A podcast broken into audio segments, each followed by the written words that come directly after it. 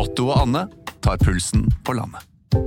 Ja, det gjør vi. Jeg heter Otto Jespersen, og hva var det du het igjen? Jeg heter Anne Grosvold, og hver uke har vi med oss en interessant gjest. Det har vi. Otto og Anne tar pulsen på landet, hører du der du hører podkast.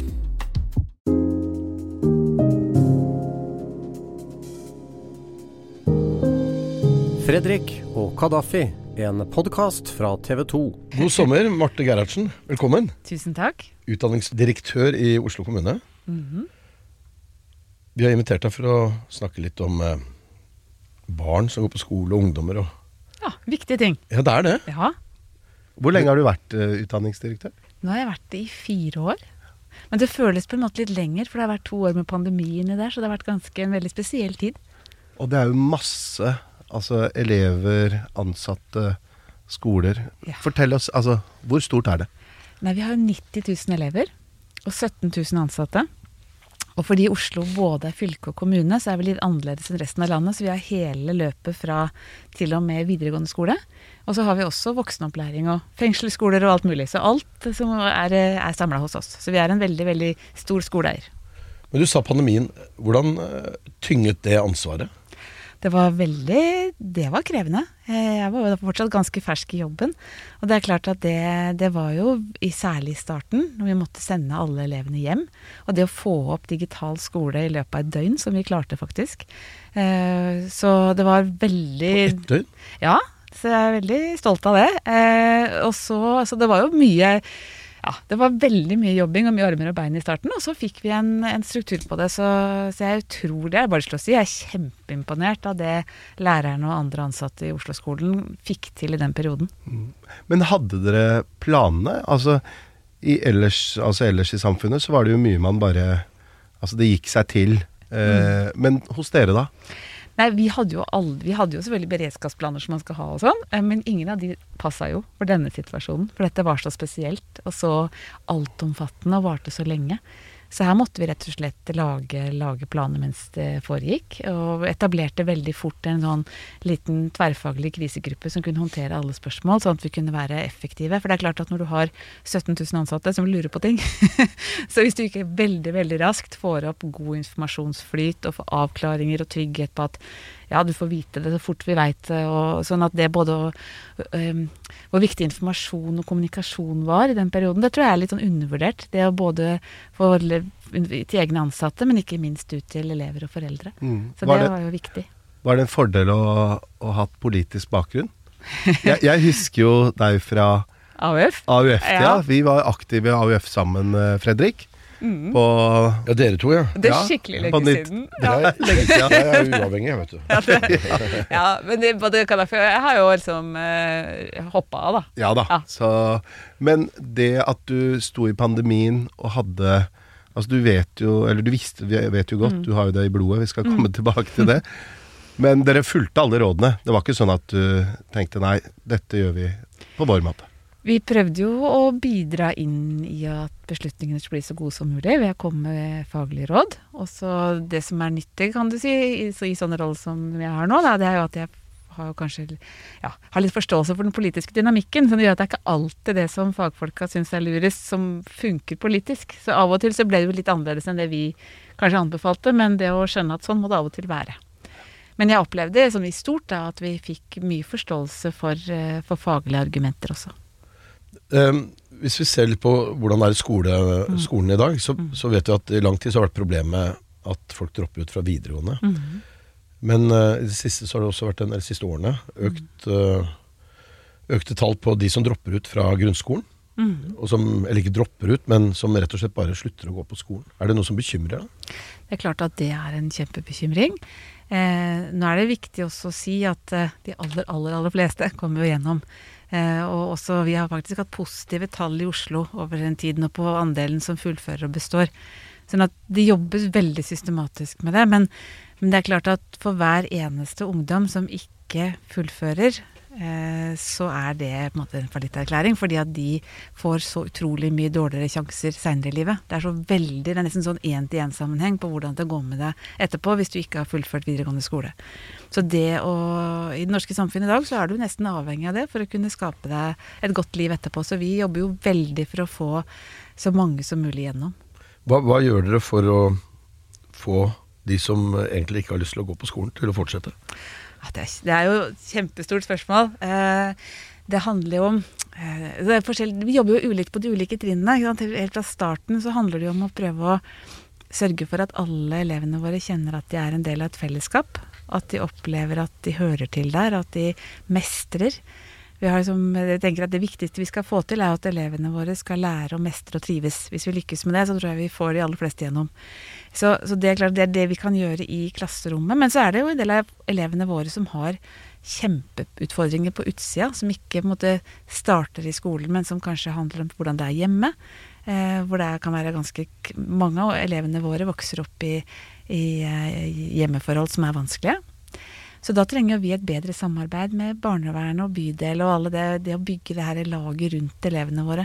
For for noen av dem så, så hjelper det liksom ikke med verdens beste lærer. Vi trenger mer drahjelp fra samfunnet rundt. Da. I forlengelsen av det, altså dette med vold, trusler spesielt, der er det jo ganske dystre tall. Eh, Vi har fått vite at det er tusenvis av innrapporterte hendelser i Oslo-skolen. Eh, og så kommer mørketallene i tillegg, alt det som ikke er eh, registrert. Hva er ståa? Det er jo sånn at det er, ja, dette er et vanskelig tema. Um, viktige er jo at de aller, aller, aller fleste opplever jo ikke vold og trusler verken på jobb eller som elev. Um, og så har de på alle vi rapporter, De tallene du viser til, er jo da lærere som rapporterer til oss som arbeidsgiver om at de har blitt utsatt for vold og trusler på skolen eller på jobb. da. Og de rapporterer, de samler vi inn, og vi er opptatt av og vi oppfordrer lærere til og ansatte til å rapportere. Det er kjempeviktig at de rapporterer, for hvis ikke får vi ikke gjort noe med det. 3500 var et tall Ja, vi hørte. sant? Og da er de fleste hendelsene det er fra barneskole. Fra, de er fra en, første til sjette klasse. De er den, store, den største andelen. Elever imellom. Eh, nei, det er, dette her er til mot lærere. Altså elever, ikke sant? Sånn at vi kaller det jo vold, men det kan jo være en førsteklassing som sier til læreren at 'jeg skal drepe deg'. Så er det en trussel. Ikke sant? Sånn at det er alvorlig. Men det er sånn viktig at vi, at vi også husker på at dette kan være veldig små barn. Uh, og de aller fleste hendelsene er også uh, barn som har ulike utfordringer, som enten er i spesialgrupper eller på spesialskoler. Så de er veldig overrepresentert. Sånn at det er ikke det at det ikke er Det er, det er en kjempeutfordring som vi jobber masse med, men det er liksom viktig at vi forstår hva er det vi jobber med. Eh, og det er klart at de barna som har en eller annen diagnose eller en vanske som gjør at de utagerer, de, de er jo ikke ukjente for skolen. Eh, sånn at På en skole så kan det være ofte mellom én til tre elever som dette handler om, og som har veldig mange innrapporterte hendelser. Sånn at Vi har elever som har opptil 100 hendelser på én elev mot lærere. Oi. Ja, sånn at Det er ikke sånn at dette er sånn spredd utover på alle trinn og på alle elever. Dette er ganske konsentrert. Eh, og vi vet om det, og vi jobber med det.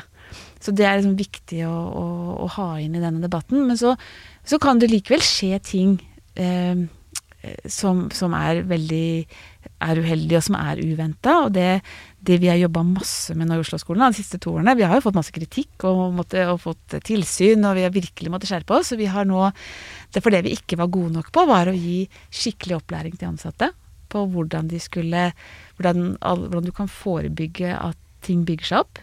Eh, og også hvordan vi kan håndtere det når det skjer, og hva vi skal gjøre etterpå. Og det er klart, det ble gjort masse fint, altså det er ikke det, så det var mange mange, mange som sto på. Men vi, vi som, som skoleeier, da, eh, som jeg har ansvar for, hadde ikke et godt nok system for å sikre at alle fikk den opplæringen, og at alle ble fulgt opp godt. Alle de 17 000 ansatte? Ja. Mhm. Oi, Ja, det er mye. Det er mye, og alle sammen skal på, på kurs hvor de skal lære seg å holde eh, og posisjonere seg. Altså det er masse sånne, eh, sånne ting som er som vi vet er lurt. Hvis en elev begynner å fyre seg opp, hva er det lurt å gjøre da? Så er det noen sånne litt generelle ting som kan være kjekt for, for alle å, å kjenne til. Da. Så det, det er et, et stort kompetanseløft som vi er midt oppi nå. Men der er det en regelendring på, på gang nå, ikke sant? Hvor, øh, hvor lærerne i større grad kanskje kan bruke makt. Eller at det blir tydeliggjort hvordan de kan bruke makt overfor elever. Og det handler vel om å ta elever som slåss fra hverandre og Ja. Mm. Og det har vært, eh, og jeg er veldig glad for at det nå blir en tydeliggjøring der, for det er mange lærere hos oss som har vært veldig usikre. Hva, hva kan gjøre, hva er lov og ikke lov? Og, um, og det jo, handler jo bare om å unngå at, at ting skal eskalere eller ting skal skje. Um, så det er nå er det jo litt diskusjon om hvordan de reglene skal bli, det er jo ikke opp til oss. Men, men jeg tenker at det er bra at det, det blir tydeligere. For det er klart at uh, lærerne våre står i en del tøffe situasjoner, og da er det viktig at de kjenner at For det er at de har arbeidsgiveren sin bak seg, men også at de har de verktøyene de trenger, da. Men betyr det altså i denne kursinga, og for det pågår Ja da. as we speak, Ja, ja. Akkurat, altså, jeg håper at det, nå utpå sommeren at det blir mindre, men, men ja, vi jobber med det. betyr det altså fysisk trening òg? Altså hvordan avverge vold? Det har, alle skal gjennom noe av det. En sånn liten eh, Det er en, skal vel skje et par ganger i året. Um, men så er det på noen av våre ansatte har jo mye trening. Noen trener hver uke. Klart Hvis du jobber med eh, f.eks. videregående elever med store utfordringer, eh, som kan ha ganske voldelig atferd, og det er klart at det kan jo være veldig farlig, så da er det viktig at de er veldig godt trent. For Oslo-skolen er jo Vi har 90 000 elever. Vi har alle. Vi har, vi har eh, også de som har store utfordringer, og da må vi være gode til å møte det. Åssen er det med mobbing? Er det en stor utfordring? Eh, Det er jo Altså, skolen er jo et bilde på samfunnet. Det jo, og det er klart at det, vi lever i et samfunn hvor det er tøffere fronter, mer polarisert debatt. Vi snakker Enn styggere om hverandre. enn før? Liksom. Jeg tenker det. Sosiale det medier som har bidratt litt? her. Sosiale medier, vanlige medier. Og det at eh, toppunderholdning er programmer hvor man driter hverandre ut og stemmer hverandre ut. Det er jo, det er jo noe med at vi er i en samfunnstrend hvor det, er, hvor, det, hvor det er lov for voksne å gjøre sånt. Og så skal vi ha ungene på skolen og si at det er ikke lov her. Farmen er ikke spesielt uh, godt forbilde, kanskje. Skal ikke si det om Farmen, men, men, eh, men at vi, vi må være en veldig sterk motvekt mot en del sånne strømninger. Det vi jobber med hele tida, er jo å skape fellesskap. At alle skal kjenne at de hører til. At alle skal kjenne at de er like mye verdt, og at de er en del av At de blir sett og verdsatt for den de er. Eh, og Jeg må bare si der, Nå ja. hørtes du ut som, veldig som en Arbeiderpartipolitiker. Nei, det er, det sånn i læreplanen, det. Eh, Så det, det tror jeg veldig mange kan være enig i. Men, men det er klart at det, det er jo idealet vårt. Eh, og det å få det til å faktisk skje. Jeg tenker at Det å få til at alle de 90 000 elevene kommer på skolen hver dag og kjenner at jeg er like mye verdt som alle andre, det tenker jeg er en utrolig viktig oppgave for oss. Um, og så får vi ikke det alltid til. Eh, og vi har mobbing i skolen, og den, vi har hatt, den har ligget ganske stabilt. Og så ser vi en liten økning i år. Eh, på, det er vel på første klasse videregående, tror jeg, hvor Ung i Oslo viser det. Og det tar vi selvfølgelig på alvor. Em, og det så jeg tenker at Vi kan gjøre en del i skolen, men så tenker jeg også at vi Det, det er liksom også Det er, det er også en, eh, en krevende jobb, da. Eh, fordi at det er en del samfunnstrender som drar i litt andre retninger. Å drive en bedrift uten regnskapsprogrammet TrippelTex er litt som å piske krem uten miksmaster. Det går jo, men det bare tar masse unødvendig tid. TrippelTex, det fleksible regnskapsprogrammet som forenkler hverdagen for over 100 000 fornøyde kunder. Prøv gratis på TrippelTex.no. Nei, bare still du, jeg ser på deg. Nei, nei, jeg, jeg bare tenkte vi skulle skifte tema på, til skoleskyting. Jeg tenkte at du er eh, mest Ja. Nei, altså um, Skoleskyting. Vi har jo ikke hatt det, heldigvis. Eh, men eh, der hvor Fredrik har bodd i mange år, USA, er det jo ukentlig. Det har jo vært skoleskyting i Sverige. Jeg har vært i Finland eh, og dekka Skoleskyting. skyte inn, eh, eller det var dårlig uttrykk, men bare si det at eh, en del av skoleskytingen i USA som blir registrert som skoleskyting, er hvis det er skyting i nærheten av skole. Så at de tallene kan av og til være litt villedende. Men det har vært Ja. ekstremt grove tilfeller, som du er inne på. Hva tenker du om det? Altså, hvor, hvor forberedt er dere på det her? Ja, Det er jo det verste som kan skje. Ja, det er klart at det er den store skrekken. Ehm, det er veldig lite, vi har jo veldig tett kontakt med politiet. Vi har et kjempegodt samarbeid med politiet i Oslo. Fine folk. Um, og de, uh, de sier jo til oss at dette er veldig lite sannsynlig. Men det er noe med at selv om det er veldig lite sannsynlig, hvis det skjer, så er det jo så utrolig alvorlig. Så derfor så må vi likevel For når, du, når du, du vurderer risiko, så er det liksom alvorlighet mot sannsynlighet. eh, og dette er jo da eh, ikke veldig sannsynlig, men veldig alvorlig. Så derfor så har vi noe vi kaller Plivo-kurs. Eh, Det er pågående livstruende eh, Vold. Vold, ja. Nettopp. Veldig bra. Um, som vi har, har på skolene hele tida, egentlig. Det er skoler som, som ønsker det, og så kommer vi ut. Jeg var med på et sånt kurs oppe på en skole i Groruddalen eh, forrige uke. Um, og det er jo fordi det er lurt og klokt at våre ansatte er, har tenkt gjennom hva, hva gjør vi hvis noe sånt skjer. Eh, selv om det Og så kan det jo være Jeg tenker jo den Får Det- elevene trening òg? Nei, det får de ikke. Det viktige da er jo at lærere, hvis noe sånt skulle skje, som vi virkelig, virkelig ikke tror, og så, så er det viktig at lærerne og, alle ansatte på skolen tar tydelig lederskap og sier at det er dette vi skal gjøre. Vi skal gå dit, vi skal gjøre sånn. Så, så det handler om at skolen må være forberedt og ha laget noen planer på hvordan de skal eh, oppføre seg hvis dette skulle skje. Og så er jo det en del av tenker jeg litt sånn, Vi har jo brannøvelser og vi har andre typer øvelser, så det er noe med å litt ufarliggjøre det òg. Altså at vi, vi, eh, vi må være forberedt når ting skal skje. Um, og og, det, det rigget kan kanskje være litt likt, litt uavhengig av hva som skjer, da. Men at de har, at de har et rigg, og at det er gjennomtenkt. Sånn at de fordi at eh, når, når sånne ting skjer, så klarer vi ikke å tenke så rasjonelt. Så da er det veldig viktig at du bare, egentlig bare går rett til tiltakskortet og vet ok, er, nå er det dette vi skal gjøre. Så det, det gjør vi. Jeg var, eh, For 12-13 år siden så gikk min datter på ungdomsskole i Bergen. Da gikk det en skarp alarm når hun var på skolen. Og vi fikk eh, tekstmelding om at klasserommet var låst, og at de ventet på politiet. Det tok ikke mange minuttene før jeg var på skolen. Jeg som jobber med dette og liksom skal holde hodet kaldt, men når, når det gjelder egne barn, så blir det litt sånn det blir en helt annen situasjon. Så kommer jeg opp på skolen og ser altså et utrolig profesjonelt apparat. Skremt av eh, 40 ambulanser som står rundt hjørnet, men hvordan politiet tar klasse etter klasse og løper de ut av klasserommene og inn i gymsalen. Nå var det ikke et våpen eh, som var farlig på skolen, men, men det var en skarp alarm. Så det var imponerende å se hvordan lærere og politi samarbeidet da for å få evakuert ett og ett klasserom ut. Og den øvelsen du har vært på, det har vært noe tilsvarende, ikke sant? Ja, det, har vært, det var ikke en fysisk øvelse, det var en gjennomgang. Men det er klart at vi har Alle skolene våre har politikontakt. og det er noe med å ha den derre eh, jevnlige dialogen som gjør at når ting skjer, så, så er det veldig lett å ta kontakt. da. Eh, og så må jeg bare si at dersom noe skjer, så må ikke foreldrene komme til skolen. For det, er det, Nei, liksom, det får dere ikke lov til. For da, da kan man stenge veien for, eh, for politiet og andre som må komme dit. Så det første vi gjør fra Utdanningsetatens side, hvis noe sånt skjer, er å sende skolemelding til alle foreldre om å holde dere unna. Men eh, foreldre er ikke rasjonelle. Nei, Nei Ikke når det gjelder egne barn. Nei, for jeg kan ikke, eh, Når jeg ser for meg den situasjonen, så tenker jeg at man ville ha gjort alt for å bare gå inn på skolen Mm. og prøve å finne barnet sitt. Ja, Politiet var veldig tydelig når vi Det kom får man opp dit. virkelig, det må man ikke gjøre. Nei. Nei. Nei, men Også- hva gjorde du? Nei, altså jeg, kom, jeg ble jo tillegg altså De kjente meg igjen som journalist, da, så de viste meg enda lenger vekk enn de andre foreldrene. Men jeg kom inn i gymsalen etter hvert Ja. og, og så at de hadde det bra. Ja, det er bra. Det var jo det, det var ikke noe skyting. Eh, og de syntes jo det var eh, skummelt, men spennende, og det var liksom ja, delte opplevelser rundt det. Nei, men det er viktig det, at når sånne ting skjer, selvfølgelig at vi eh, får Altså, dette skal jo ikke skje. Men dersom det skjer noe på skolen, det er også et egentlig et sånt råd til alle foreldre der ute, da. Ikke kom til skolen. Fordi at eh, det kan være I hvert fall følg med på informasjon fra, fra skolen på hva som er lurt å gjøre.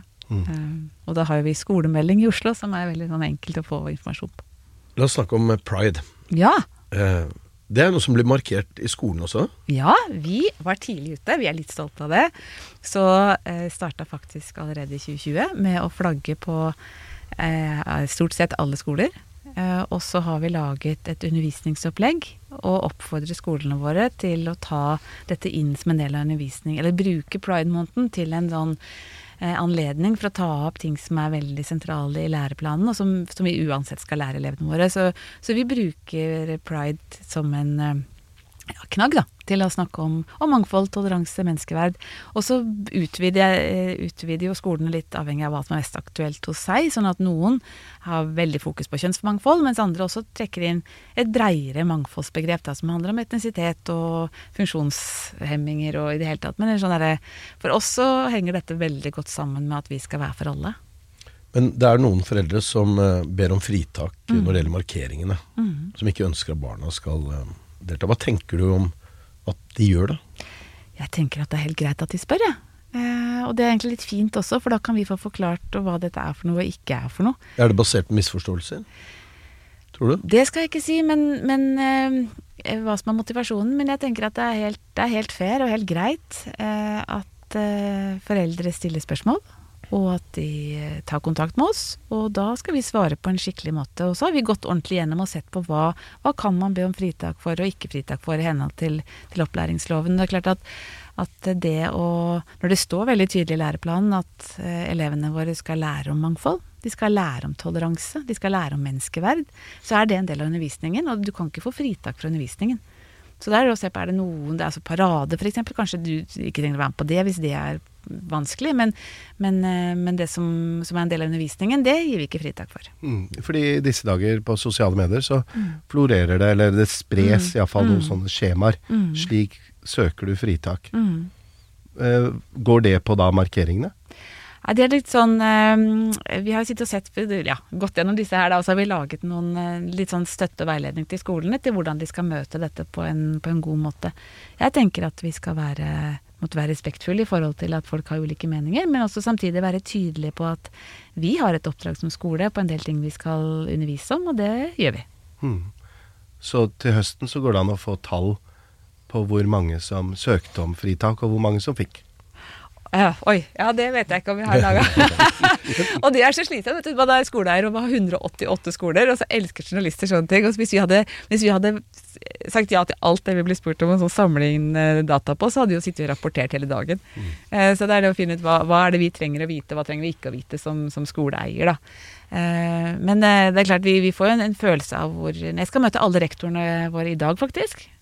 På sommeravslutning. Ok. Ja, Så koselig, da. ja, veldig, veldig gøy. Det er en stor happening hvert år. Men da kommer vi sikkert til å få høre litt om hvordan dette er ute på skolene. Um, du reagerte også på at uh, Thon-hotellene ikke ville flagge med Det var veldig merkelig. Og De snudde jo. Ja, det, og det var veldig bra. Jeg tenker at det var eh, veldig underlig, og særlig nå, Ja. etter det som skjedde i fjor. Så det var, tenker jeg var en eh, Ja, de har jo angra, så det kan de vel forklare sjøl De fikk de... såpass massiv motstand i sosiale medier at Mm. jeg tror de skjønte at det var en dårlig forretningsmodell. Ja, og det Ja. Uansett eh, bakgrunn, så er, hva som var motivet deres for å snu, så er jeg glad for at de gjorde det. Gjorde det. Du sa når jeg snakket med deg i, i går at du er litt predisponert for uh, Arbeiderpartiet. Og mildt sagt. Nei, altså jeg, det er litt viktig for meg å si. Da. Jeg, jeg drev som sagt med ungdomspolitikk sammen med, Kadafi her da vi var i, i 20-åra. Eh, men så gjorde jeg et aktivt valg med å ikke jobbe med politikk. Så jeg har jo gjort helt andre ting. Jeg har vært diplomat i Utenriksdepartementet, jeg har vært bankdirektør og tankesmi, og, og nå er jeg utdanningsdirektør. Så, så jeg har liksom valgt en, en, en annen vei da, eh, enn en politikken. Men jeg syns jo det er spennende å jobbe med ting som Sånn som jeg jobber med nå, skole. Det er jo vanskelig å tenke seg noe viktigere. Men det er jo veldig ofte sånn at unge mennesker tar et uh, valg om å gjøre det motsatte av foreldrene. Og, ikke sant? Og besteforeldre. og besteforeldre. Ikke minst, ja. Og du er jo liksom Du er Ja, altså fortell litt om det. Du er barnebarn til selveste landsfaderen. mm. Einar Gerhardsen. Er det et ansvar du føler du bærer videre? Oi. Eller er du, men du er stolt, tenker jeg. Jeg er veldig stolt av han, og så var han en viktig person i min oppvekst. Vi har eh, Han hadde en hytte på fjellet, hvor vi var hele sommeren, altså sånn åtte, åtte uker. Hvor-? Eh, eh, oppe på Gå, like ved Gåla, ja. Gudbrandsdalen. Eh. Eh, og der var vi vinterferier og høstferier og påskeferier. Altså vi var alltid der sammen med han, så han var veldig sånn Han var mye til stede i, eh, i min oppvekst. Eh, så jeg husker jo han veldig godt. Døde da jeg var 16 år. Og da hadde jeg allerede begynt å engasjere meg litt sånn i samfunn og politikk og sånn.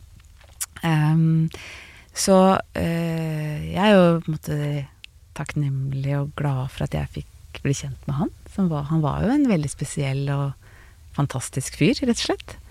Uh, og så, i det grad jeg har med meg noe fra det, så er det mer sånn at jeg tenker Eller sånn En slags forpliktelse til å ta ansvar. Og til å prøve å være, en, være med på det laget som prøver å gjøre verden til et bedre sted. Og så tenker jeg at det kan man gjøre på veldig mange ulike måter. Da. Og far også i Arbeiderpartiet. Ja. Og mor.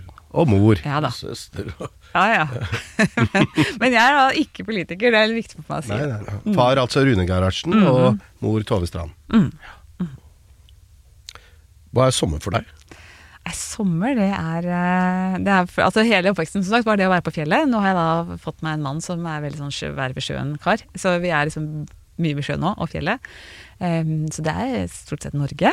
Uh, og så blir jeg eh, jeg lest. Det er jeg kjempedårlig til ellers, så det er veldig deilig å få gjort om sommeren. Lese. Lese bøker, ja.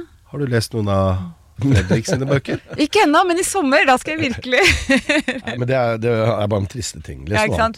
Ja, jeg vil lese litt sånn eh, Jeg pleier å lese skjønnlitteratur i sommeren. Og så er jeg, jeg er skikkelig Eller jeg er ikke god, altså, men jeg er veldig glad i å padle kajakk. Så det gjør jeg masse. Ja. Vet du, du hvordan du skal komme deg opp igjen hvis du Jepp. går rundt? Jeg har vært på kurs. Har du- Jeg sånn- så du har prøvd det? Jeg har sånn båtkort. Du får, ikke, du får ikke panikk når du ligger opp ned? Det har ikke skjedd. Så jeg vet ikke. Og du, og det har, du har ikke virkelig prøvd en sånn rulle? Altså, jeg har, jeg har vært på kurs, Ja. men jeg har aldri, liksom, det har aldri skjedd. Jeg, jeg tenkte på det for, for ikke så lenge siden jeg padla, så tenkte jeg på han Valdimir. Hvis han liksom kom akkurat mens jeg padla opp langs Oslo- Oslofjorden Ja. og dytta på meg, hva, hva gjør jeg da? Ja, ja, den hvalen, ja. Ja, Eller nisen, eller hva det er for ja, noe. der, ja. Men det har ikke skjedd. Ja, det er bra, det. Eh, Du fortalte også at du er glad i å sykle. Altså, er det, hvor er det du er på hytte nå i sommerferien? Nei, nå er det Det er oppe på Det Gårda, da. Gårda? Er det i den Eh, samme hytta? Nei, det er faktisk ikke det. Nei. Det er uh, en hytte like ved. Men uh, også er jeg på, ute på Filtvet.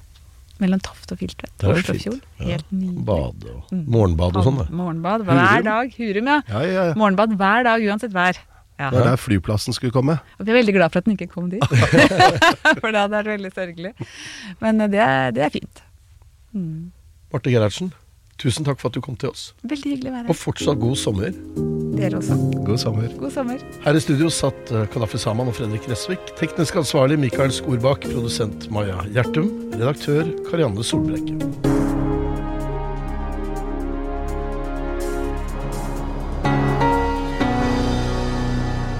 Denne podkasten er produsert av Bauer Media for TV 2.